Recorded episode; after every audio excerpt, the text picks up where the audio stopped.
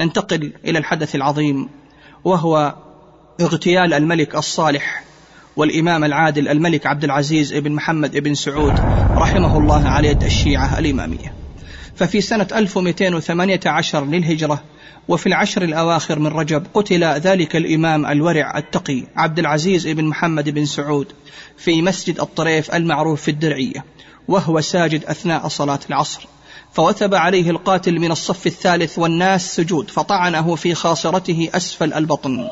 بخنجر معه قد أخفاها وأعدها لذلك فاضطرب أهل المسجد وماج بعضهم في بعض ولم يكن يدرون ما الأمر فمنهم المنهزم ومنهم الواقف. ولما طعن المجرم الإمام عبد العزيز أهوى على أخيه عبد الله وهو إلى جانبه وبرك عليه ليطعنه فنهض عليه وتصارعا وجرح عبد العزيز جرحا شديدا ثم إن عبد الله صرعه وضربه بالسيف وتكاثروا عليه الناس وقتلوه. ثم بعد ذلك حمل الإمام إلى قصره وقد غاب ذهنه وقرب نزعه لأن الطعنة قد هوت إلى جوفه فلم يلبث أن توفي بعدما صعدوا به إلى القصر رحمه الله. قال العلام المؤرخ بن بشر في كتابه عنوان المجد في تاريخ نجد ما نصه. وقيل إن هذا الدرويش الذي قتل عبد العزيز من أهل بلد الحسين رافضي خبيث انتهى كلامه رحمه الله تعالى. وقال الأمير سعود بن هذلول في كتابه تاريخ ملوك آل سعود عن القاتل ما نصه قتله رجل رافضي اسمه عثمان من أهل النجف في العراق جاء إلى الدرعية متنكرا وغدر بهذا الإمام انتهى كلامه رحمه الله. ننتقل أحبتي في الله إلى محاولة اغتيال الإمام الصالح الملك عبد العزيز آل سعود على يد شيعة اليمن. حيث حاول شيعة اليمن اغتيال ذلك الإمام العادل الذي وحد جزيرة العرب على كلمة التوحيد وهو الملك عبد العزيز آل سعود رحمه الله تعالى. ولكن الله خيب آمال أولئك المبتدعة الضلال. ففي يوم الجمعة عشر ذي الحجة الساعة الواحدة صباحا من يوم النحر عام 1353 للهجرة شرع الملك عبد العزيز وحضرت صاحب السمو الملكي ولي العهد الأمير سعود ورجال الحاشية والحرس ومعهم ثلة من رجال الشرطة يطوفون بالبيت الحرام طواف الإفاضة. وبعد انتهاء الشوط الرابع واستلام الحجر الأسود تقدم الملك سائرا في شوطه الخامس وولي عهده وحاشيته يسيرون خلفه. إذا برجل يخرج فجأة من حجر إسماعيل شاهرا خنجرا قد انتضاها في يده وهو يصيح بصوت غير مفهوم متقدما من الملك عبد العزيز يريد طعنه فاعترضه أحد جنود الشرطة وهو يدعى أحمد بن موسى العسيري. فطعنه ذلك الرجل الشيعي فأرداه قتيلا فأمسك به آخر يسمى مجدوع بن شباب فطعنه أيضا فعاجل المجرم. عبد من عبيد الملك يدعى عبد الله البرقاوي بطلق ناري من سلاحه فأرداه قتيلا قبل أن يتمكن من الوصول إلى الملك عبد العزيز. وفي هذه اللحظة شوهد مجرم ثاني رفيقا للمجرم الأول يجري من خلف الملك يريد القضاء على ولي العهد الأمير سعود خارجا من حجر إسماعيل من جهة الركن اليماني للبيت الشريف. شاهرا خنجرا أيضا فعاجله عبد من عبيد ولي العهد يدعى خير الله بطلق النار من سلاحه فقتله. وحينما رأى المجرم الثالث ما حل بأصحابه وكان قد خرج فيما يظهر من حجر إسماعيل مع المجرم الثاني هرب مسرعا يريد الفرار. فأطلق عليه جنود الشرطة رصاص بنادقهم فخر صريعا وظل على قيد الحياة مدة ساعة واحدة. تمكن المحققون في أثنائها من معرفة اسمه بقوله أنا علي. فنجى الله عز وجل الملك الصالح عبد العزيز آل سعود رحمه الله تعالى من خبث وإجرام أولئك المبتدعة. ننتقل أحبتي في الله إلى مجزرة بغداد. وقتل الخليفة العباسي المستعصم على يد وزيره الشيعي ابن العلقمي لعنه الله. ففي عام 656 للهجرة كاتب الوزير الشيعي ابن العلقمي ملك التتار هولاكو سرا وقال له إن جئت إلى بغداد سلمتها لك فرد عليه هولاكو قائلا إن عساكر بغداد كثيرة فإن كنت صادقا فيما قلته وداخلا في طاعتنا فرق عساكر بغداد ونحن نحضر. وعندها أشار الوزير الشيعي على الخليفة العباسي المستعصم بتسريح أكبر عدد من الجند والعساكر المرابطون في عاصمة الخلافة بغداد بحجة تخفيف الأعباء المالية الثقيلة في ميزانية الدولة العباسية. عندها وافق الخليفة على ذلك. فخرج هذا الوزير الشيعي على الفور ومحى اسم خمسة عشر ألف من عساكر بغداد. ثم نفاهم من بغداد ومنعهم من الإقامة بها. ثم بعد شهر فعل مثل فعلته الأولى ومحى اسم عشرين ألفا من ديوان الجند واستمر هذا الوزير الخبيث الشيعي يجتهد في صرف جيوش أهل السنة وإسقاط أسمائهم من ديوان الجند حتى أصبح عدد المسجلين في ديوان الجند عشرة آلاف بعد أن كانوا في آخر أيام الخليفة المستنصر أكثر من مئة ألف مقاتل من أهل السنة.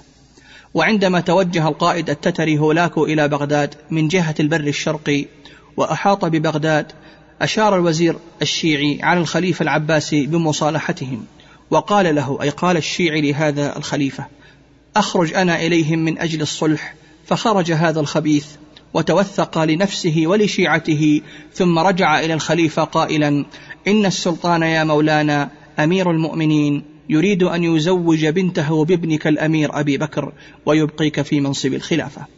فخرج إليه الخليفة العباسي المستعصم المغرر به ومعه سبعمائة راكب من القضاة والفقهاء والأمراء ورجال الدولة وأعيان العاصمة الإسلامية من أهل السنة. فلما اقتربوا من مكان إقامة السفاح هولاكو قبض عليهم جميعا إلا سبعة عشر نفسا. فدخل الخليفة العباسي بهؤلاء إلى هولاكو وأنزل الباقون من مراكبهم ونهبت ثم قتلوا عن آخرهم. ثم أحضر أبناء الخليفة فضربت أعناقهم أمام الجميع. أما الخليفة العباسي فقيل أنه طلبه ليلا ثم أمر به ليقتل فقال خواص هولاكو ومستشاريه إن هذا إن سكب دمه أظلمت الدنيا فإنه ابن عم رسول الله صلى الله عليه وسلم. عندها خاف هولاكو وهاب أن يقتله. فقام الخبيث الشيعي نصير الدين الطوسي وقال يقتل ولا يسكب دمه. قالوا كيف؟ قال ضعوه في بساط وارفسوه حتى يموت فلا يسكب دمه ففعلوا وقيل بل خنقوه وقيل بل أغرق رحمه الله تعالى. ثم بعد ذلك اجتاح التتار عاصمة الخلافة الإسلامية بغداد بمساعدة الرافضيان الخبيثان ابن العلقمي ونسير الدين الطوسي ودخلوا دار الخلافة ونهبوا كثيرا من الذهب والحلي والمصاغ والجواهر والأشياء الثمينة. ثم مالوا على أهل السنة في بغداد فقتلوا جميع من قدروا عليه من الرجال والنساء والولدان والمشايخ والكهول والشبان. حتى دخل كثير من المسلمين في الآبار وأماكن الحشوش والوسخ فكان الناس يجتمعون في الدار ويغلقون عليهم الأبواب. فيأتي التتار برئاسة الشيع الخبيث ابن العلقمي فيفتحونه إما بالكسر وإما بالنار ثم يدخلون عليهم ويقتلونهم حتى جرت الميازيب من كثرة الدماء وبلغ عدد الذين قتلوا في بغداد مليون وثمانمائة ألف مسلم موحد من أهل السنة على يد الشيعي الخبيث نصير الدين الطوسي الذي قال عنه الخميني في كتابه الحكومة الإسلامية صفحة 128 ما نصه. ويشعر الناس بالخسارة أيضا بفقدان الخواجة نصير الدين الطوسي وأمثاله. ممن قدموا خدمات جليلة للإسلام انتهى كلامه. عدو الله. ننتقل إخواني في الله إلى مجزرة المخيمات الفلسطينية على يد حزب أمل الشيعي. وحزب أمل إخواني في الله هي حركة شيعية لبنانية مسلحة. ذات عقيدة إمامية إثنى عشرية. أسسها موسى الصدر في لبنان. عام 1975 للميلاد للدفاع عن مصالح الشيعة وأطلق عليها بعد ذلك اسم أفواج المقاومة اللبنانية. أما عن المجزرة التي ارتكبتها هذه المنظمة الشيعية الاثنى عشرية ففي يوم الأحد 19 5 1985 للميلاد. الساعة التاسعة مساء كانت دورية مسلحة شيعية تابعة لحزب أمل تجوب مخيم صبرا الفلسطيني. حيث توقفت الدورية قرب فتى يحمل مسدسا حربيا وهي ظاهرة مألوفة في لبنان في ذلك الوقت. فحاولت الدورية اعتقال الفتى لكنهم فشلوا وأفلت الفتى من أيديهم. وانطلق يعدو هاربا وكانت هذه الحادثة بداية حرب دامية لم تنتهي إلا بعد شهر كامل. وفي اليوم التالي اقتحمت ميليشيات أمل الشيعية مخيمي صبرا وشاتيلا الفلسطيني. وقامت باعتقال جميع العاملين في مستشفى غزة وساقوهم مرفوع الأيدي إلى مكتب أمل في أرض جلول. كما منعت القوات الشيعية الهلال الأحمر وسيارات الأجهزة الطبية من دخول المخيمات الفلسطينية.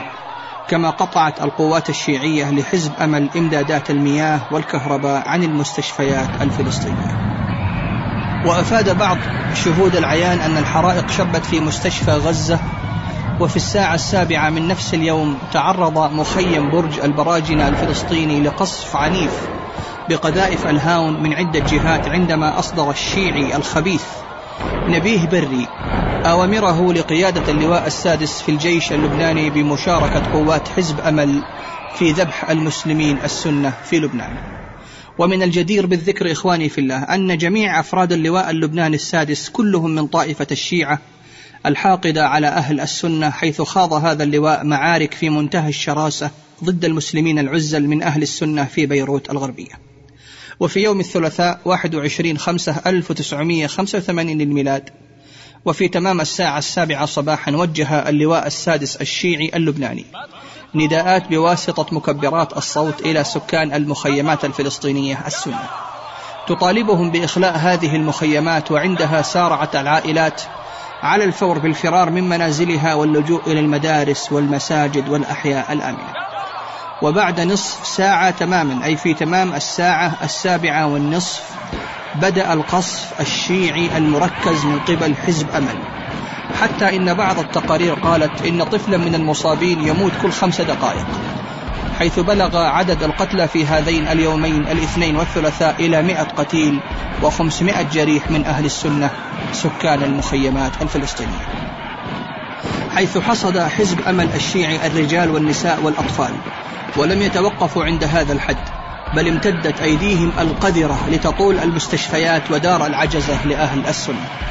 ومن الفظائع التي ارتكبتها قوات أمل الشيعية الاثنى عشرية بحق الفلسطينيين الآمنين في المخيمات ما ذكرته صحيفة ريبو بليكا الإيطالية من أن فلسطينيا من المعاقين. لم يكن يستطيع السير منذ سنوات. رفع يديه مستغيثا في مخيم شاتيلا أمام عناصر أمل الشيعية طالبا منهم الرحمة. فكان الرد عليه عدة طلقات غادرة استقرت في جسده البريء. كما ذكر مراسل صحيفة الصاندي تلغراف في بيروت أن عددا من الفلسطينيين قتلوا في مستشفيات بيروت وأن مجموعة من الجثث الفلسطينية قد ذبح أصحابها من أعناقهم كما تذبح الشيعة. وكشف ناطق فلسطين النقاب عن قيام قوات أمل الشيعية بنسف أحد الملاجئ في يوم 26 5 1985 للميلاد والذي كان يتواجد فيه المئات من الشيوخ والأطفال والنساء في عملية دنيئة بربرية. وذكرت شاهدة عيان أنها رأت أحد أفراد ميليشيا قوات أمل الشيعية يذبح بحربة بندقيته ممرضة فلسطينية في مستشفى غزة لأنها احتجت على قتل جريح أمامه. كما ذكرت بعض وكالات الأنباء بأن قوات أمل الشيعية قامت باغتصاب 25 فتاة فلسطينية من أهالي مخيم صبرا وعلى مرأى من أهالي المخيم فلا حول ولا قوة إلا بالله العلي العظيم. ننتقل أحبتي في الله إلى تفجيرات عام 1409 للهجرة في مكة المكرمة على يد شيعة الكويت. ففي عام 1409 للهجرة قامت مجموعة من شيعة الكويت والمنتسبون إلى خلية السائرون على خط الإمام الخميني والمتفرعة من حزب الله وهم كل من منصور حسن المحميد وعلي عبد الله كاظم وعبد العزيز حسين شمس وعبد الوهاب حسين بارون وهاني حبيب السري وحسن عبد الجليل الحسيني وعادل محمد خليفة وصالح عبد الرسول ياسين. الذين قاموا بتفجيرات بمكة المكرمة شرفها الله تعالى وحرسها في موسم الحج لعام 1409 للهجرة بجوار بيت الله المعظم. بعد أن تم تسليم المواد المتفجرة لهؤلاء الجنات من قبل مسؤول السفارة الإيرانية في دولة الكويت واسمه محمد رضا غلوم. ونتج عن هذه التفجيرات قتل وجرح العديد من حجاج بيت الله. حيث بلغت الإصابات في ضيوف بيت الله تعالى إلى حروق شديدة وخطيرة. إضافة إلى تجمعات دموية في الصدر وانفجار في طبلات الأذن وجروح متهتكة ونزيف داخلي إضافة إلى تمزق أوتار العضلات وشلل في الأقدام. ننتقل إلى هدم مسجد فيض السني في مدينة مشهد الإيرانية على أيدي الشيعة الاثنى عشرية عام 1414 للهجرة. ففي ليلة الاثنين التاسع عشر من شهر شعبان لعام 1414 للهجرة والموافق لذكرى وصول الخميني إلى إيران وحيث تحتفل الدولة الإيرانية بتلك المناسبة أشد الاحتفالات حاصرت المخابرات الإيرانية مسجد فيض لأهل السنة في مدينة مشهد حصارا عنيفا. ثم استخدمت خمسة عشر جرافة كبيرة وبعد منع الناس من التردد حول المسجد بدأت الجرافات الشيعية في العمل من خارج المسجد طوال الليل في هدم الجدران والأبواب باتجاه الداخل دون أن يفرغ المسجد من المصاحف والسجادات والمكتبة الموجودة فيه. واقتيد إلى السجن كل من كان في المسجد غير من قتل تحت الجرافات من أهل السنة ولا حول ولا قوة إلا بالله العلي العظيم. أنتقل بكم إخواني في الله إلى فقرة وهي من أهم فقرات هذه الكلمة ألا وهو حكم علماء الإسلام وفتاواهم في الشيعة الإمامية الاثنى عشرية. أقول إخواني في الله إن الشيعة الإمامية الاثنى عشرية من فرق الضلال التي جمعت في عقيدتها كل شر وانحراف موجود في باقي الفرق والنحل. ولهذا حكم جمهور العلماء بكفرهم وزندقتهم.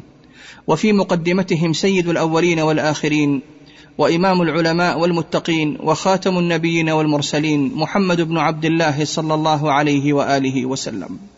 حيث حكم رسول الله صلى الله عليه وسلم بشرك الشيعة الإمامية بل أمر صلى الله عليه وسلم بقتلهم وأوصى بذلك أمير المؤمنين علي بن أبي طالب رضي الله عنه.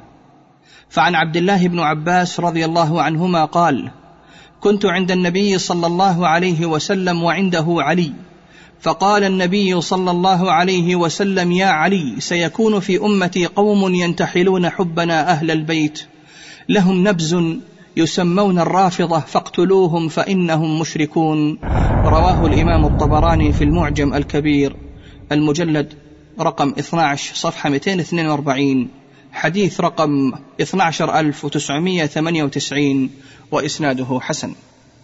قول علي بن أبي طالب رضي الله عنه قال علي بن أبي طالب رضي الله عنه سيكون بعدنا قوم ينتحلون مودتنا يكذبون علينا مارقة آية ذلك أنهم يسبون أبا بكر وعمر وهم الشيعة الإمامية قول عمار بن ياسر رضي الله عنه فعن عمرو بن غالب أن رجلا نال من عائشة رضي الله عنها عند عمار رضي الله عنه فقال أغرب مقبوحا أتؤذي حبيبة رسول الله صلى الله عليه وسلم رواه الترمذي بإسناد حسن وأقول كل الشيعة يطعنون في عائشة رضي الله عنها.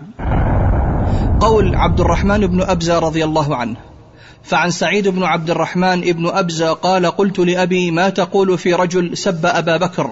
قال يقتل. قلت ما تقول في رجل سب عمر؟ قال يقتل. والشيعة الإمامية يسبون ويلعنون أبا بكر وعمر رضي الله عنهم أجمعين.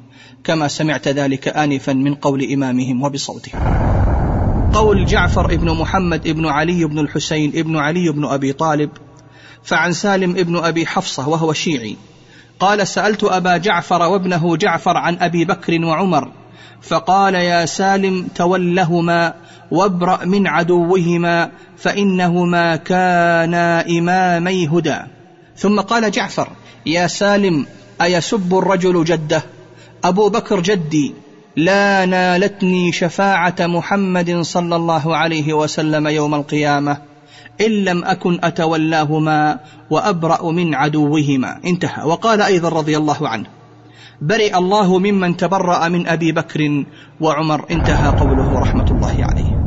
قول الإمام عبد الله بن المبارك قال رحمه الله تعالى الدين لأهل الحديث والكلام والحيل لأهل الرأي والكذب للرافضة يعني للشيعة.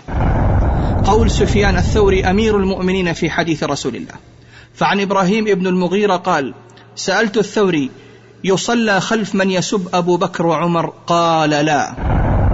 قول الإمام الزهري قال الإمام الزهري ما رأيت قوما أشبه بالنصارى من السبائية. قال الإمام أحمد بن يونس هم الرافضة. قول الإمام سفيان بن عيينة قال رحمه الله تعالى لا تصلوا خلف الرافضي يعني الشيعي ولا خلف الجهمي ولا خلف القدري ولا خلف المرجئي. انتهى. قول علقمة بن قيس النخعي. قال رحمه الله تعالى لقد غلت هذه الشيعة في علي رضي الله عنه كما غلت النصارى في عيسى بن مريم. انتهى. قول أبو يوسف القاضي.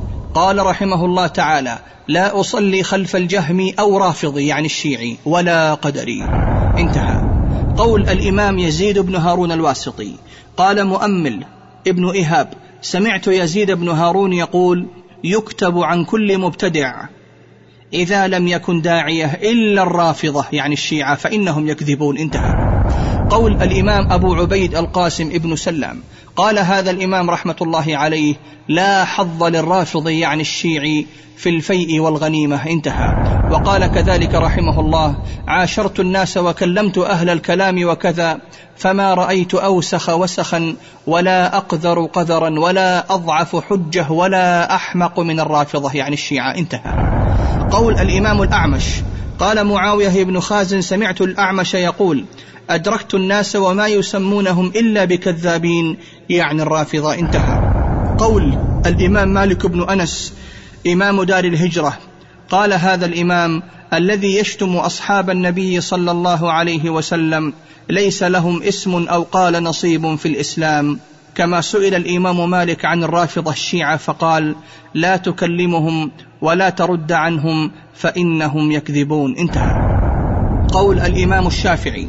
قال حرملة سمعت الشافعي يقول لم أرى أحدا أشهد بالزور من الرافضة. يعني الشيعة. انتهى. قول الإمام أحمد بن حنبل روى الخلال عن أبي بكر المروذي قال سألت أبا عبد الله يعني أحمد بن حنبل عمن يشتم أبا بكر وعمر وعائشة؟ قال أي قال الإمام أحمد ما أراه على الإسلام انتهى.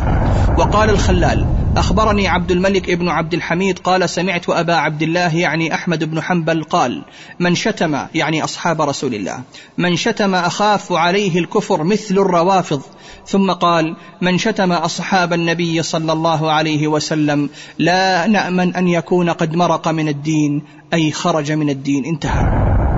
وقال أخبرنا عبد الله بن أحمد بن حنبل قال سألت أبي عن رجل شتم رجلا من أصحاب النبي صلى الله عليه وسلم فقال أي الإمام أحمد ما أراه على الإسلام انتهى.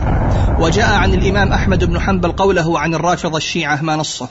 هم الذين يتبرؤون من أصحاب محمد صلى الله عليه وسلم ويسبونهم وينتقصونهم ويكفرون الأئمة إلا أربع يعني الصحابة إلا أربع علي وعمار والمقداد وسلمان. وليست الرافضة في الإسلام من شيء. انتهى. وقال ابن عبد القوي كان الإمام أحمد يكفر من تبرأ منهم أي من الصحابة ومن سب عائشة أم المؤمنين مما برأها الله منه. وكان يقرأ أي الإمام أحمد رحمة الله عليه قوله تعالى يعظكم الله أن تعودوا لمثله أبدا إن كنتم مؤمنين. انتهى. وسئل الإمام أحمد رحمه الله تعالى عن الذي يشتم معاوية أيصلى خلفه. قال لا يصلى خلفه ولا كرامه. انتهى. قول الإمام البخاري.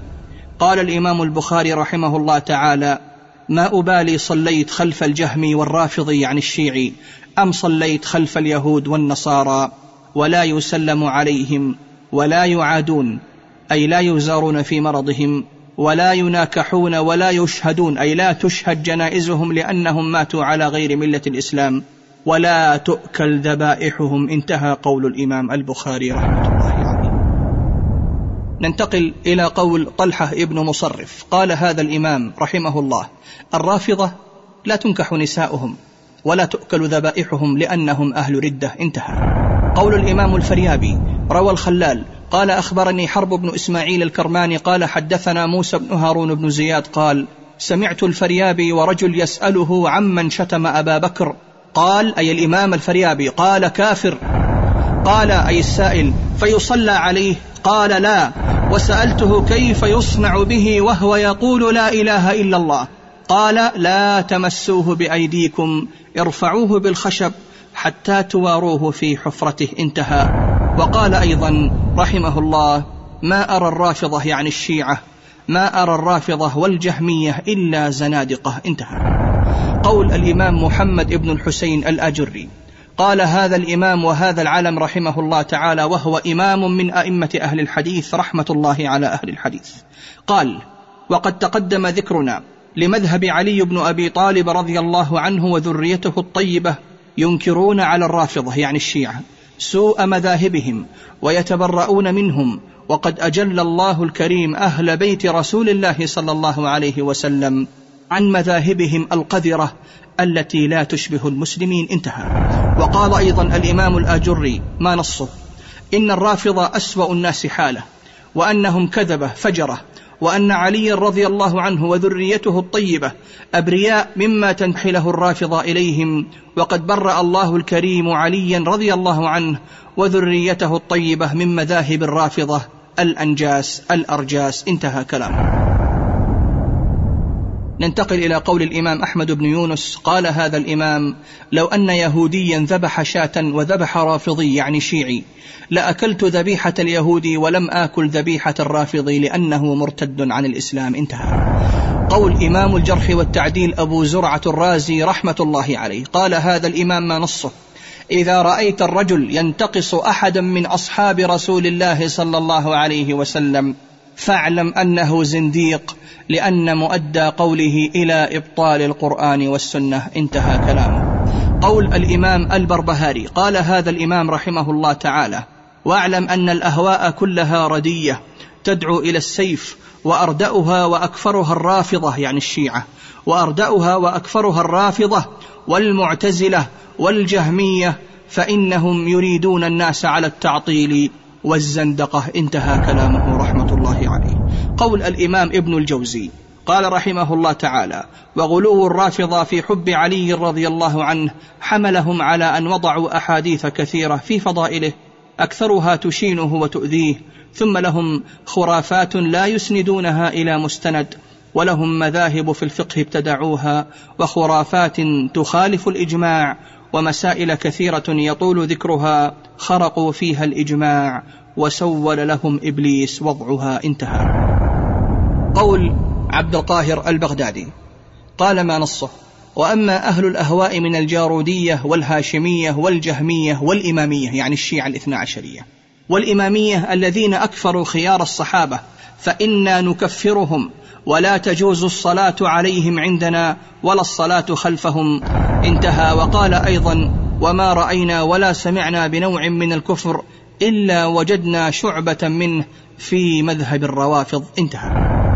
قول الإمام ابن حزم الظاهري قال هذا الإمام وأما قولهم يعني النصارى في دعوى الروافض تبديل القرآن فإن الروافض ليسوا من الإسلام إنما هي فرقة حدث أولها بعد موت رسول الله صلى الله عليه وسلم بخمس وعشرين سنة وهي طائفة استمع أخي ماذا يقول ابن حزم وهي طائفة تجري مجرى اليهود والنصارى في الكذب والكفر انتهى كلامه. قول الإمام القاضي عياض. قال رحمه الله تعالى نقطع بتكفير غلاة الروافض في قولهم إن الأئمة أفضل من الأنبياء. انتهى. قول الإمام السمعاني. قال هذا الإمام رحمه الله تعالى ما نصه واجتمعت الأمة على تكفير الإمامية يعني الاثنى عشرية الشيعة الاثنى عشرية. واجتمعت الأمة على تكفير الإمامية لأنهم يعتقدون تضليل الصحابة وينكرون إجماعهم وينسبونهم إلى ما لا يليق بهم. انتهى كلام. قول الجبل وهذا الإمام وهو شيخ الإسلام ابن تيمية. قال هذا الإمام شيخ الإسلام ابن تيمية رحمة الله عليه من زعم أن القرآن نقص منه آيات وكتمت أو زعم أن له تأويلات باطنة تسقط الأعمال المشروعة فلا خلاف في كفرهم.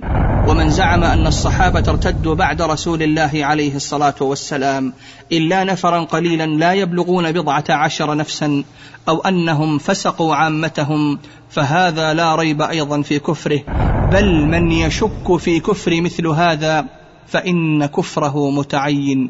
انتهى كلامه بل ويرى شيخ الإسلام ابن تيمية رحمه الله تعالى بوجوب قتال الشيعة وأن قتالهم أولى وأحق من قتال الخوارج وأن أئمتهم أي أئمة الشيعة من الزنادقة حيث قال إنهم شر من عامة أهل الأهواء وأحق بالقتال من الخوارج وأيضا فغالب أئمتهم زنادقة إنما يظهرون الرفض لأنه طريق إلى هدم الإسلام كما فعلته أئمة الملاحدة. انتهى. وقال أيضا وفي الجملة فمن جرب الرافضة يعني الشيعة فمن جرب الرافضة في كتابهم وخطابهم علم أنهم من أكذب خلق الله. انتهى. وقال أيضا في مجموع الفتاوى فإن الذي ابتدع الرفض كان يهوديا أظهر الإسلام نفاقا ودس إلى الجهال دسائس يقدح بها في أصل الدين. ولهذا كان الرفض يعني التشيع. ولهذا كان الرفض أعظم أبواب النفاق والزندقة. ولهذا انضمت إلى الرافضة أئمة الزنادقة من الإسماعيلية والنصيرية وأنواعهم من القرامطة والباطنية والدرزية وأمثالهم من طوائف الزندقة والنفاق. انتهى. وقال أيضا رحمه الله تعالى في منهاج السنة النبوية مع نصه فلينظر كل عاقل فيما يحدث في زمانه وما يقرب في زمانه من الفتن والشرور والفساد في الإسلام فإنه يجد معظم ذلك من قبل الرافضة وتجدهم من أعظم الناس فتنا وشرا انتهى كلامه ننتقل إلى قول الإمام ابن القيم. قال ابن القيم رحمه الله في مفتاح دار السعادة ما نصه. واقرأ نسخة الخنازير من صور أشباههم ولا سيما أعداء خيار خلق الله بعد الرسل وهم أصحاب رسول الله صلى الله عليه وسلم. فإن هذه النسخة ظاهرة في وجوه الرافضة أي في الشيعة. فإن هذه النسخة ظاهرة في وجوه الرافضة. يقرأها كل مؤمن كاتب وغير كاتب. وهي تظهر وتخفى بحسب خنزيرية القلب وخبثه فإن الخنزير أخبث الحيوانات وأردأها طباعا ومن خاصيته أنه يدع الطيبات فلا يأكلها ويقوم الإنسان عن رجيعه فيبادر إليه. انتهى. وقال أيضا وأخرج الروافض الإلحاد والكفر والقدح في سادات الصحابة وحزب رسول الله صلى الله عليه وآله وسلم وأوليائه وأنصاره في قالب محبة أهل البيت والتعصب لهم وموالاتهم. انتهى. قول الإمام الذهبي. قال الإمام الذهبي في كتاب الكبائر ما نصه فمن طعن فيهم أو سبهم يعني أصحاب رسول الله صلى الله عليه وسلم فقد خرج من الدين ومرق من ملة المسلمين. انتهى. قول الإمام محمد المقدسي قال هذا الإمام إخواني في الله لا يخفى على كل ذي بصيرة وفهم من المسلمين أن أكثر ما قدمناه من الباب قبله من عقائد هذه الطائفة الرافضة على اختلاف أصنافها كفر صريح وعناد مع جهل قبيح لا يتوقف الواقف عليه من تكفيرهم والحكم عليهم بالمروق من دين الإسلام. انتهى قول الإمام علي بن سلطان القارئ. قال رحمه الله تعالى وأما من سب أحدا من الصحابة فهو فاسق ومبتدع بالإجماع إلا إذا اعتقد أنه مباح كما عليه بعض الشيعة وأصحابهم أو يترتب عليه ثواب كما هو دأب كلامهم أو اعتقد كفر الصحابة وأهل السنة فإنه كافر بالإجماع. انتهى كلامه. ننتقل إلى قول الإمام المجدد. مجدد الدعوة السلفية في الجزيرة العربية وهو الإمام محمد بن عبد الوهاب رحمة الله عليه. فكذلك حكم إخواني في الله هذا الإمام المجدد شيخ الإسلام محمد بن عبد الوهاب رحمه الله تعالى بكفر الشيعة الاثنى عشرية وذلك لسبهم الصحابة رضوان الله عليهم ولعنهم حيث قال فإذا عرفت أن آيات القرآن تكاثرت في فضلهم يعني في فضل أصحاب رسول الله صلى الله عليه وسلم. والأحاديث المتواترة بمجموعها ناصة على كمالهم فمن اعتقد فسقهم أو فسق مجموعهم وارتدادهم وارتداد معظمهم عن الدين فقد كفر بالله تعالى ورسوله انتهى. وقال أيضا وبهذا وأمثاله تعرف أن الرافضه أكثر الناس تركا لما أمر الله واتيانا لما حرمه وأن كثيرا منهم ناشئ من نطفة خبيثة موضوعة في رحم حرام. يقصد هنا الشيخ رحمة الله عليه على نكاح المتعة عندهم. ولهذا يقول وأن كثيرا منهم ناشئ عن نطفة خبيثة موضوعة في رحم حرام. ولذا لا ترى منهم إلا الخبيث اعتقادا وعملا. وقد قيل كل شيء يرجع إلى أصله. انتهى كلامه وقال رحمه الله أيضا فهؤلاء الإمامية يعني الشيعة الاثنى عشرية فهؤلاء الإمامية خارجون عن السنة بل عن الملة واقعون في الزنا يعني في نكاح المتعة. واقعون في الزنا وما أكثر ما فتحوا على أنفسهم أبواب الزنا في القبل والدبر فما أحقهم بأن يكونوا أولاد زنا. انتهى كلامه رحمة الله عليه ننتقل إلى قول الإمام عبد اللطيف بن عبد الرحمن بن حسن آل الشيخ رحمة الله عليه. قال هذا الإمام ما نصه؟ وعندهم المشهد الحسيني وقد اتخذه الرافضه وثنا بل ربا مدبرا وخالقا ميسرا واعادوا به المجوسية وأحيوا به معاهد اللات والعزى وما كان عليه أهل الجاهلية. وكذلك مشهد العباس ومشهد علي إلى أن قال والرافضة يصلون لتلك المشاهد ويركعون ويسجدون لمن في تلك المعاهد وقد صرفوا من الأموال والنذور لسكان تلك الأجداث والقبور. ما لا يصرف عشر معشاره للملك العلي الغفور. إلى أن قال وكذلك جميع قرى الشط والمجرة على غاية من الجهل والمعروف في القطيف والبحرين من البدع الرافضية والأحداث المجوسية والمقامات الوثنية. ما يضاد ويصادم أصول الملة الحنيفية. انتهى كلامه. رحمة الله عليه. من كتاب مجموعة الرسائل والمسائل النجدية. ننتقل إلى قول الإمام محمد بن عبد اللطيف آل الشيخ.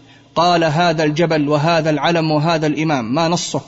وأما مجرد السلام على الرافضة ومصاحبتهم ومعاشرتهم مع اعتقاد كفرهم وضلالهم فخطر عظيم وذنب وخيم يخاف على مرتكبه من موت قلبه وانتكاسه. إلى أن قال وزوال الإيمان فلا يجادل في جوازه إلا مغرور بنفسه مستعبد لفلسه فمثل هذا يقابل بالهجر وعدم الخوض معه في هذه المباحث التي لا يدريها إلا من تربى بين يدي أهل هذه الدعوة الإسلامية والطريقة المحمدية. انتهى. وقال أيضا الإمام محمد بن عبد اللطيف آل الشيخ ما نصه. فهذا حكم الرافضة في الأصل وأما الآن فحالهم أقبح وأشنع لأنهم أضافوا إلى ذلك الغلو في الأولياء والصالحين من أهل البيت. فمن توقف في كفرهم والحالة هذه وارتاب فيه فهو جاهل بحقيقة ما جاءت به الرسل ونزلت به الكتب فليراجع دينه قبل حلول رمسه. انتهى كلامه رحمة الله عليه من كتاب الدرر السنية في الأجوبة النجدية. ننتقل إلى قول الجبل والإمام عبد الرحمن بن حسن قال رحمه الله تعالى فأصل الرافضة خرجوا في خلافة أمير المؤمنين علي بن أبي طالب رضي الله عنه إلى أن قال وهم الذين أحدثوا الشرك في صدر هذه الأمة بنوا على القبور وعمت بهم البلوى ولهم عقائد سوء يطول ذكرها. انتهى كلامه من مجموعة الرسائل والمسائل النجدية. ننتقل إلى قول الإمام عبد الله بن عبد الرحمن أبو بطين. قال رحمه الله تعالى فهذا حكم الرافضة في الأصل فأما حكم متأخريهم الآن فجمعوا بين الرفض والشرك بالله العظيم بالذي يفعلونه عند المشاهد وهم الذين ما بلغهم شرك العرب الذين بعث إليهم رسول الله صلى الله عليه وسلم. انتهى كلامه من مجموعة الرسائل والمسائل النجدية. قول الإمام سليمان بن سحمان رحمة الله عليه قال هذا الإمام وقد تقدم قريبا من كلام أهل السنة في شأن هؤلاء الأرفاط يعني الرافضة. من مقالاتهم الشنيعة وأوضاعهم الخاطئة الكاذبة الوضيعة ما تمجه الطباع وتستك عن سماعه الأسماع فمن كان ما تقدم ذكره عنهم هذه نحلته وهذا دينه فهم عند جماهير المسلمين ليسوا من أهل الإسلام انتهى كلامه. وقال أيضا رحمه الله ولم يخالف فيما ذكرناه إلا هؤلاء الملاحدة كالرافضة والإمامية وعباد القبور والمشاهد وهؤلاء لا عبرة بخلافهم فيما قالوا من المخرقة والخزعبلات التي لا تفيد فلا يقول بها إلا كل كفار عنيد. انتهى كلامه رحمه الله من كتابه العظيم الحجج الواضحة الإسلامية في رد شبهات الرافضة والإمامية. ننتقل إلى قول الإمام المحدث شاه عبد العزيز الدهلوي. قال الإمام عبد العزيز الدهلوي وهو من محدثي القارة الهندية. بعد أن اطلع على كتب الشيعة الاثنى عشرية ما نصه ومن استكشف عقائدهم ومن طووا عليه علم أن ليس لهم في الإسلام نصيب وتحقق كفرهم لديه. انتهى كلامه من كتابه العظيم مختصر التحفة الاثنى عشرية. قول إمام اليمن ومحدث اليمن الشوكاني قال هذا الإمام رحمة الله عليه ما نصه. وبهذا يتبين أن كل رافضي خبيث يصير كافرا بتكفيره لصحابي واحد. فكيف بمن كفر كل الصحابة واستثنى أفرادا يسيرة تغطية لما هو فيه من الضلال؟ انتهى كلامه من كتاب نثر الجوهر على حديث أبي ذر. وقال أيضا الشوكاني ما نصه؟ لا أمانة لرافضي قط على من يخالفه في مذهبه ويدين بغير الرفض بل يستحل ماله ودمه عند أدنى فرصة تلوح له لأنه عنده مباح الدم والمال وكل ما يظهره من المودة فهو تقية يذهب أثره بمجرد إمكان الفرصة. انتهى كلامه من كتابه طلب العلم. ننتقل إلى قول الإمام المحدث محمد صديق حسن خان القنوجي. قال رحمه الله تعالى وأقول ما أصدق هذا الكلام. إلى أن قال فإنه دل دلالة واضحة صريحة لا سترة عليها على أن الرافضة كفار كفرا بواحا إلى أن قال فينبغي أن يجري حكم الكفار عليهم في جميع المسائل والأحكام من ترك المناكحة بهم والجهاد معهم والرد على مذهبهم والإنكار على صنيعهم والإعتقاد بعدم إسلامهم وبكونهم أخبث الطوائف في الدنيا انتهى كلامه من كتابه العظيم الدين الخالص. ننتقل إلى المجاهد والإمام محمود شكري الألوسي. قال العلامة محمود شكري الألوسي رحمه الله تعالى ما نصه؟ وقد زعم الروافض أن جميع الصحابة رضي الله تعالى عنهم إلا من استثني قد ظلموا. عياذا بالله. إلى أن قال ولعمري أن كفرهم أشهر من كفر إبليس. انتهى كلامه من كتابه العظيم. صب العذاب على من سب الأصحاب. قول علماء ما وراء النهر. قال الإمام الألوسي صاحب التفسير ما نصه؟ وكالاثنى عشرية فقد كفرهم معظم علماء ما وراء النهر وحكموا بإباحة دمائهم وأموالهم وفروج نسائهم حيث أنهم يسبون الصحابة رضي الله تعالى عنهم لا سيما الشيخين رضي الله تعالى عنهما وهما السمع والبصر منه عليه الصلاة والسلام. انتهى من كتاب صب العذاب على من سب الأصحاب. قول الإمام والجبل محمد ابن إبراهيم ابن عبد اللطيف آل الشيخ مفتي الديار السعودية. قال الإمام العلامة محمد بن إبراهيم رحمه الله ما نصه. وهؤلاء الروافض قد ارتكبوا بهذا الصنيع عدة جرائم شنيعة منها الاستهزاء بأفاضل الصحابة رضوان الله عليهم وسبهم ولعنهم إلى أن قال وهذا يدل على خبثهم وشدة عداوتهم للإسلام والمسلمين فيجب على المسلمين أن يغاروا لأفاضل أصحاب رسول الله صلى الله عليه وسلم وأن يقوموا على هؤلاء الروافض قيام صدق لله تعالى وأن يحاكموهم محاكمة قوية دقيقة ويوقع عليهم الجزاء الصارم البليغ سواء كان القتل أو غيره. انتهى كلامه رحمة الله عليه من فتاوى ورسائل سماحة الشيخ محمد ابن إبراهيم. المجلد الأول صفحة 249 250 كما أفتى سماحته رحمه الله تعالى بقتل أحد الدعاة من الرافضة. الذي قام بتأليف كتابا ينشر فيه معتقده الخبيث حيث قال رحمه الله تعالى ما نصه. والذي أراه أنه يسوق قتل هذا الخبيث تعزيرا لأن ما أبداه رأس فتنة إن قطع خمدت وإن تسوهل في شأنه عادت بأفظع من هذا الكتاب إلى أن قال وقتل مثل هذا تعزيرا إذا رآه الإمام ردعا للمفسدين وحسما لمادة البدعة وسدا لهذا الباب. وقال أيضا رحمه الله تعالى فالرافضة أحبت أهل البيت ولكنها غلت حتى صار الروافض هم أئمة كل شرك وخرافة فهم أول من بنى المساجد على القبور. انتهى كلامه رحمه الله تعالى من كتاب فتاوى ورسائل سماحة الشيخ محمد ابن إبراهيم آل الشيخ مفتي الديار السعودية. ننتقل إلى قول وفتوى اللجنة الدائمة للبحوث العلمية والإفتاء في المملكة العربية السعودية. وهم كل من العلامة والإمام والمحدث وبقية السلف. عبد العزيز بن باز رحمة الله عليه والعلامة عبد الرزاق عفيفي والعلامة عبد الله بن غديان والعلامة عبد الله بن قعود حيث وجه إلى اللجنة الدائمة سؤال عن حكم أكل ذبائح جماعة من الجعفرية الإمامية الاثنى عشرية فأجابت اللجنة بقولها ما نصه. إذا كان الأمر كما ذكر السائل من أن الجماعة الذين لديه من الجعفرية يدعون عليا والحسن والحسين وسادتهم فهم مشركون مرتدون عن الإسلام والعياذ بالله لا يحل الأكل من ذبائحهم لأنها ميتة ولو ذكروا عليها اسم الله انتهى. وقالت اللجنة في جواب آخر ما نصه إذا كان الواقع كما ذكرت من دعائهم عليا والحسن والحسين ونحوهم فهم مشركون شركا أكبر يخرج من ملة الإسلام. فلا يحل أن نزوجهم المسلمات ولا يحل لنا أن نتزوج من نسائهم ولا يحل لنا أن نأكل من ذبائحهم. انتهى. كما أجابت اللجنة الدائمة في جواب آخر عن حكم من يعتقد أن القرآن قد وقع فيه التحريف كما تعتقده الشيعة الإمامية بقولها ما نصه. ومن قال إنه غير محفوظ أو دخله شيء من التحريف أو النقص فهو ضال مضل. يستتاب فإن تاب وإلا وجب على ولي الأمر قتله مرتدا. إلى أن قالت هذه اللجنة ولهذا أنكر علماء الإسلام على الشيعة الباطنية زعمهم أن القرآن الذي بين أيدي المسلمين ناقص وأن الذي عندهم هو الكامل وهذا من أبطل الباطل. انتهى كلامهم رحمة الله عليهم من فتاوى اللجنة الدائمة. ننتقل إلى قول مؤتمر رابطة العالم الإسلامي الثالث. حيث جاء في بيانه الصادر في ربيع الأول لعام 1408 للهجرة ما نص لقد تبين للمشاركين في المؤتمر أن الخميني داعية ضلال جر على المسلمين من المصائب والفتن ما مزق الشمل وأن منهجه خارج على الإسلام وتعاليمه ويشكل خطورة على أمة الإسلام.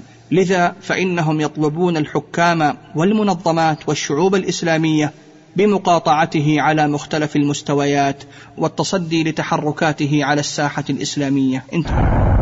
ننتقل إلى قول الإمام وبقية السلف المحدث عبد العزيز بن عبد الله بن باز رحمة الله عليه مفتي الديار السعودية سابقا. قال هذا الإمام إخواني في الله في الشيعة الاثنى عشرية ما نصه. وأفيدكم بأن الشيعة فرق كثيرة. وكل فرقة لديها أنواع من البدع وأخطرها فرقة الرافضة الخمينية الاثنى عشرية لكثرة الدعاة إليها ولما فيها من الشرك الأكبر كالاستغاثة بأهل البيت واعتقاد أنهم يعلمون الغيب. ولا سيما الأئمة الاثنى عشر حسب زعمهم ولكونهم يكفرون ويسبون غالب الصحابة كأبي بكر وعمر رضي الله عنهما. نسأل الله السلامة مما هم عليه من الباطل. انتهى كلامه. مجموع فتاوى ومقالات. الإمام عبد العزيز بن باز المجلد الرابع صفحة 439 واستمع أخي في الله إلى الإمام العلامة عبد العزيز بن باز رحمه الله تعالى. مفتي الديار السعودية وهو يحذر من الفرق الضالة والديانات المنحرفة ومنها فرقة الشيعة الإمامية. فاستمع ماذا يقول رحمه الله تعالى. وبذلك نكتشف بطلان جميع المذاهب الهدامة والأفكار المنحرفة فإن من علم شرع الله وتبصر في دينه وتفقه في ذلك اتضح له كل مذهب باطل وكل فكر فاسد. سواء كان ذلك فكرا خارجا عن الدين بكلية أو فكرا يزعم صاحبه أنه من الإسلام وليس من الإسلام. فتعرف المذاهب الهدامة من شيوعية وغيرها. وهكذا الأفكار والدعوات المنحرفة إلى علمانية أو قومية أو غير ذلك مما يدعو إليه كثير من الناس. فالقرآن الكريم والسنة المطهرة يحاربان كل هذه الدعوات الباطلة. فلا قومية ولا علمانية ولا شيوعية ولا بعثيه ولا شيعية ولا شيعية ولا بوذية ولا نصرانية ولا يهودية ولا غير ذلك. كتاب الله وسنة رسوله عليه الصلاة والسلام يحاربان هذه المذاهب الباطلة وهذه الافكار الزائدة. ويبين القرآن والسنة أن الحق في اتباع كتاب الله العظيم وسنة رسوله الأمين. فقط. ننتقل إلى قول محدث العصر الإمام محمد ناصر الدين الألباني رحمة الله عليه. قال العلامة المحدث الألباني مجيبا لسؤال موجه إليه عن حكمه في المدعو الخميني ما نصه. فقد وقفت على الأقوال الخمسة التي نقلتموها عن كتب المسمى بروح الله الخميني. راغبين مني بيان حكمي فيها وفي قائلها فأقول وبالله تعالى وحده أستعين. إن كل قول من تلك الأقوال الخمسة كفر بواح وشرك صراح لمخالفته للقرآن الكريم والسنة المطهرة وإجماع الأمة وما هو معلوم من الدين بالضرورة. ولذلك فكل من قال بها معتقدا ولو ببعض ما فيها فهو مشرك كافر. وإن صام وصلى وزعم أنه مسلم انتهى كلامه رحمة الله عليه من كتاب الشيعة الإمامية الاثنى عشرية. في ميزان الإسلام لربيع السعودي. واستمع أخي في الله إلى الإمام المحدث محمد ناصر الدين الألباني رحمه الله تعالى وهو يؤكد أن الخلاف الذي بين أهل السنة وبين الشيعة الإمامية هو خلاف في الأصول لأنهم يعتقدون بأن القرآن الكريم محرف عندهم بل ويحكم الإمام الألباني بأن الذي يدعو إليه إمام الشيعة الخميني من الكفر الذي لا شك فيه فاستمع ماذا يقول رحمه الله تعالى. وهذا ما كنت أجابه به الشيعة وأنا في دمشق. نعم. فكنت أقول لهم أنتم مثلا لا تعتمدون على صحيح البخاري ونحن لا نعتمد على الكليني وهم يزعمون. وهذا أمر خطير جدا. أنه لا خلاف بين المسلمين في الأصول. كثير من الدعاة الإسلاميين اليوم. أنه لا خلاف بين المسلمين في الأصول. وهذا الذي ورط طائفة من الشباب المسلم حينما أعلن الخميني دولته حينما أعلن الخميني دولته فسارعوا إلى مبايعته وإلى مساندته وإلى آخره. ذلك لأنهم يتوهمون أنه لا خلاف بيننا وبين الشيعة إلا في الفروع. ذلك لأنهم يتوهمون أنه لا خلاف بيننا وبين الشيعة إلا في الفروع لأنهم يجهلون ما في بطون كتب الشيعة من الخلاف في الأصول.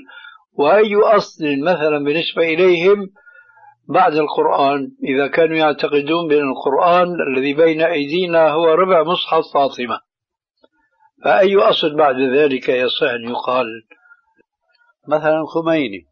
أعلن عن عقيدته بما سماه بإيش؟ الحكومة الإسلامية. هذا كفر بلا شك يعني. ننتقل إلى قول الشيخ الفاضل والإمام المجتهد عبد الله بن عبد الرحمن الجبرين قال هذا الشيخ ما نصه فالرافضة بلا شك كفار إلى أن قال ومن شك في ذلك فليقرأ كتب الرد عليهم ككتاب القفاري في تفنيد مذهبهم وكتاب الخطوط العريضة وكتاب إحسان إله ظهير وغيرها انتهى كلامه من كتابه اللؤلؤ المكنون. هذا واستمع أخي في الله إلى العلامة عبد الله بن جبرين. عضو هيئة كبار العلماء في المملكة العربية السعودية وهو يحكم بشرك الرافضة وأن الحجة قد قامت عليهم. بل ويذكر هذا الإمام حال إخواننا من أهل السنة في دولة إيران. وكيف أنهم مضطهدين ومنبوذين عند الشيعة هناك؟ وأن الشيعة لو تمكنوا من رقاب أهل السنة لفعلوا الأفاعيل الخبيثة في حق أهل السنة. فاستمع ماذا يقول حفظه الله تعالى. قد ذكرنا أن الموجودين الآن الرافضة غالبا مشركون لأنهم يدعون عليا والحسن والحسين وغيرهم في الملمات. عوامهم وخواصهم والآن قد قامت عليهم الحجة وقد عرفوا أن هذا شرك سيما الذين في المملكة ولكنهم لا يقبلون. بل يعيبون من أنكر عليهم ويسموننا وهابيين فلا يتقبلون منا. فنقول هذا من المكفرات. كونهم يدعون عليا حتى في المذمات وفي الأزمات والشدائد. ويدخل في ذلك عامتهم. فأظهروا ذلك. فالواجب علينا إذا رأينا إعلاناتهم هذه وأعمالهم أن ننكر عليهم وأن نسعى إلى ولاة الأمور. ونأمرهم بأن يأخذوا على أيديهم فلا يظهروا بدعتهم في بلاد الإسلام ومن أراد منهم أن يظهر بدعته فليذهب إلى البلاد التي يحكمها الرافضة كبلاد إيران أو العراق. هنالك يفعلون ما يريدون. أما بلاد تحكم بالشريعة فلا يجوز أن يمكنوا من إظهار هذه البدعة. هناك في بلاد إيران مجموعة كبيرة من أهل السنة نحو 12 مليون من أهل السنة ولكنهم مضطهدون في غاية من الذل وفي غاية من الإهانة. لما كانت الكثرة كافرة للرافضة فلا يقدرون أن يعلنوا إسلامهم وعباداتهم ولا يتولون شيئا من الولايات التي لها أهمية فليس منهم خطباء وليس منهم دعاة. وليس منهم موظفون مدراء ولا مدرسون ولا غيرهم بل محتقرون إنما يتكسبون بما يستطيعونه من الكسب بأيديهم وبأعمالهم. أما الولايات الحكومية فليس لهم منها نصيب أبدا. لماذا؟ لأنهم أهل سنة والغالبية على الولاية أنهم رافضة. أما في ولايتنا فمع كون الدولة تدين بالولاية بالسنة والولاية والأكثرية والحمد لله لأهل السنة فإن هؤلاء الرافضة تمكنوا لما أنهم مكنوا من من الدراسة ودرسوا في دراسات صناعية وحملوا مؤهلات متنوعة فتولوا وللأسف كثيرا من الولايات بسبب أنهم جاءوا بهذه المؤهلات وهذه الشهادات ودخلوا المسابقات وانطبقت عليهم الشروط وصدق عليهم أنهم مواطنون وأنهم سعوديون ولم ينظر إلى معتقدهم ولم يتفطن القائمون على هذه الوظائف بخبث طواياهم وولوهم هذه الولايات وهم لا يشعرون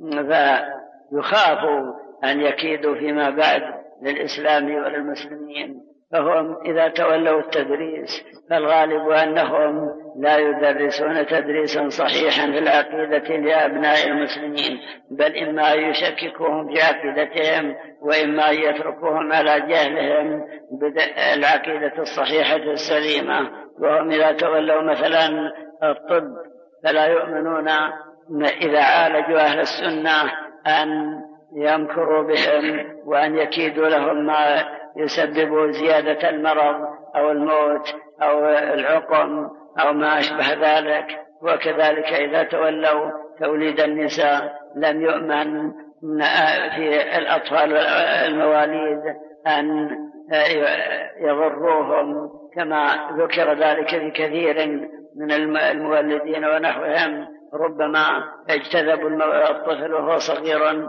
فانخلعت قدمه أو حصل به خلل خلقي بسبب مع توليهم ذلك لا شك أنهم غير مأمونين.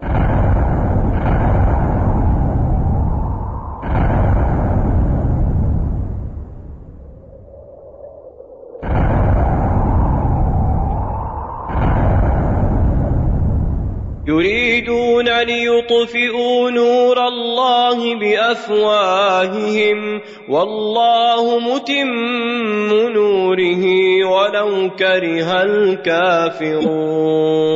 واستمع أخي في الله إلى توبة أحد الشيعة واسمه حمزة أمام أحد الدعاة من أهل السنة عن طريق الاتصال عبر الإنترنت وما يعرف بالبالتوك واستمع إليه كيف يذكر الشهادة وهو يبكي بعد أن شرح الله صدره للإسلام. واستمع إليه أخي الحبيب وهو يدافع عن الصحابة وعن أمهات المؤمنين بعد توبته. فاستمع إلى هذا اللقاء المؤثر. ولكن أنا أقول الحمد لله الذي هداني لهذا الدين وأسأل الله سبحانه وتعالى أن يثبتني. وفليعلم الجميع أني ما كنت صاحب علم ما كنت صاحب علم في مذهبي.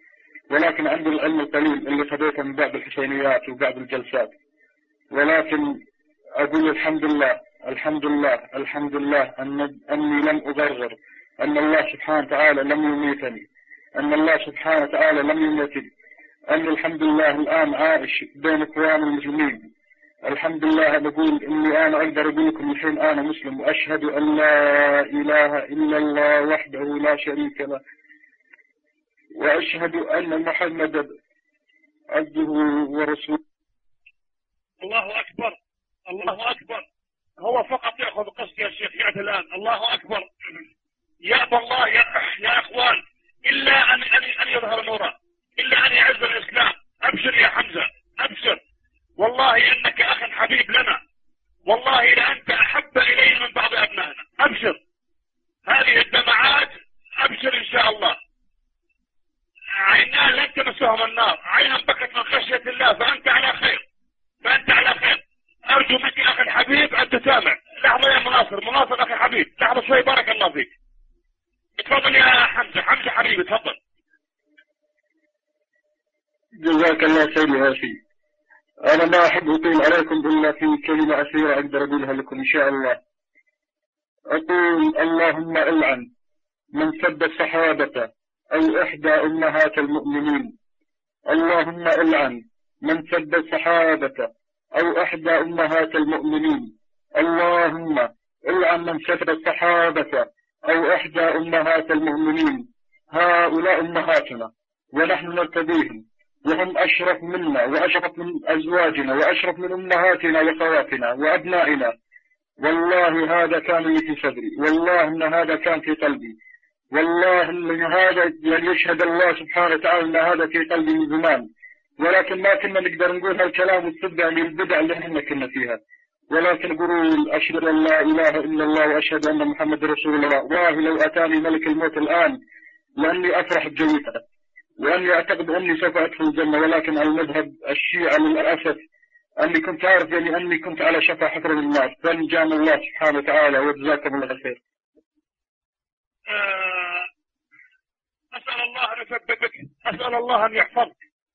الحمد لله الذي أنقذ أخانا من النار. الحمد لله الذي أنقذك من النار.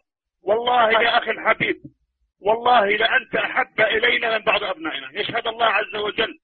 لذلك إخواني هذا من فضل الله علينا ثم من فضل مشايخنا. حقيقة الأمر إخواني الذين كان لهم آه الصبر على أمثال هؤلاء. والله يا أخوان والله لا يشكر الله من لا يشكر الناس. والله لا يشكر الله من لا يشكر الناس. والله يا أخوة على كل حال يا حمزة يا أخي الحبيب نريد منك يعني آه آه، أن تشرح لنا يعني ما هي ما كانت عقيدتك بارك الله فيك وكيف ومن كان له الأثر على إيصال هذا الخير لك حفظك الله. ولو بإسهاب بارك الله فيك.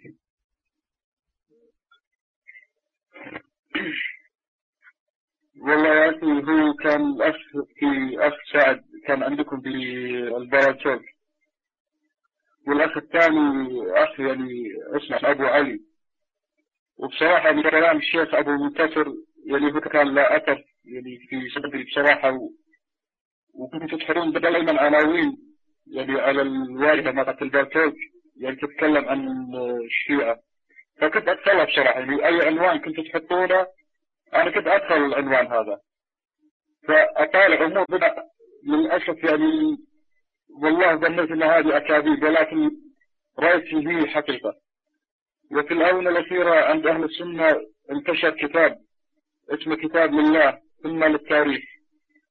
لما قرأت الكتاب قرأت يمكن مرتين أو ثلاث مرات. فوالله إني ظنيت أن هذا الكلام بدع من بدع الكلام علينا. ولكن لما فتحت المراجع عندنا والله رأيت كل الأمر موجود فعلا وكل الأمر اللي كاتبه آه، السيد حسين مسوي فعلا موجود. بالمراجع بالكلمة بالنص بالصفحة فإن كان هذا الكلام فعلا موجود فهذا هذا ليس دين هذا كارثة كارثة على الأمة وفاجعة الأمة الإسلامية. فالحمد لله أقول الحمد لله ولكن أنا أخبركم يا أخوان والله ثم والله والله ثم والله. أكثر الشيعة لهم شك في ديني. أنا واحد من الناس اللي كان فيه شك في ديني. واللي مثلي كثير بالآلاف والله على البالتوك وخارج البالتوك. مجرد أن تقيمون عليهم الحجة ما يستطيعون. تدرون ليش؟ ليش ما نقدر نجادل ما نقدر نتكلم. أنتم على الحجة وحنا كنا ضعاف. حنا ما عندنا إلا الأئمة وكلام الأئمة. أما أنتم عندكم دائما ألاحظكم تقولون قال الله قال رسول الله. حنا لا. قال أبا عبد الله عليه السلام قال الحسين قال الإمام فلاني ما عمرنا قلنا قال رسول الله. والله أكبر والله المستعان. الله أكبر يا أخوان الله أكبر. أسأل الله أن يثبتك يا أخي الحبيب. قل يا عبادي الذين أسرفوا على أنفسهم لا تقنطوا من رحمة الله. إن الله يغفر الذنوب. جميعا. إنه هو الغفور الرحيم. هذا وإلى لقاء قادم. أحبتي في الله بإذن الله تعالى مع فرق وديانات جديدة. وصلى الله على نبينا وحبيبنا محمد بن عبد الله وعلى آله وصحبه وسلم. والحمد لله رب العالمين. هذا الإصدار هو حلقة من سلسلة الفرق والأديان والمذاهب. للشيخ ممدوح الحربي. قل يا عبادي الذين أسرفوا على أنفسهم لا تقنطوا من رحمة الله. إن الله يغفر الذنوب جميعا. إنه هو الغفور الرحيم. وأنيبوا وأسلموا له. من قبل أن يأتيكم العذاب ثم لا تنصرون. واتبعوا أحسن ما أنزل إليكم من ربكم. من قبل أن يأتيكم العذاب بغتة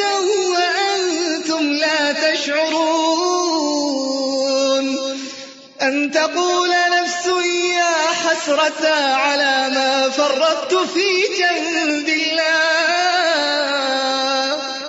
وإن كنت لمن الساخرين. أن تقول نفس يا حسرة على ما فرطت في جنب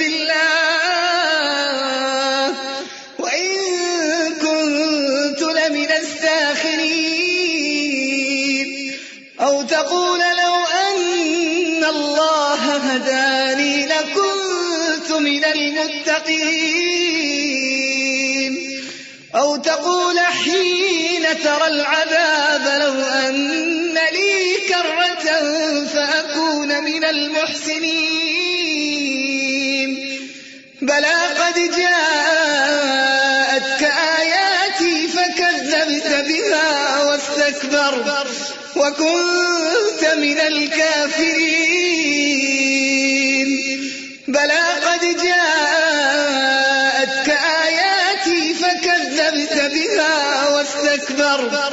وكنت من الكافرين.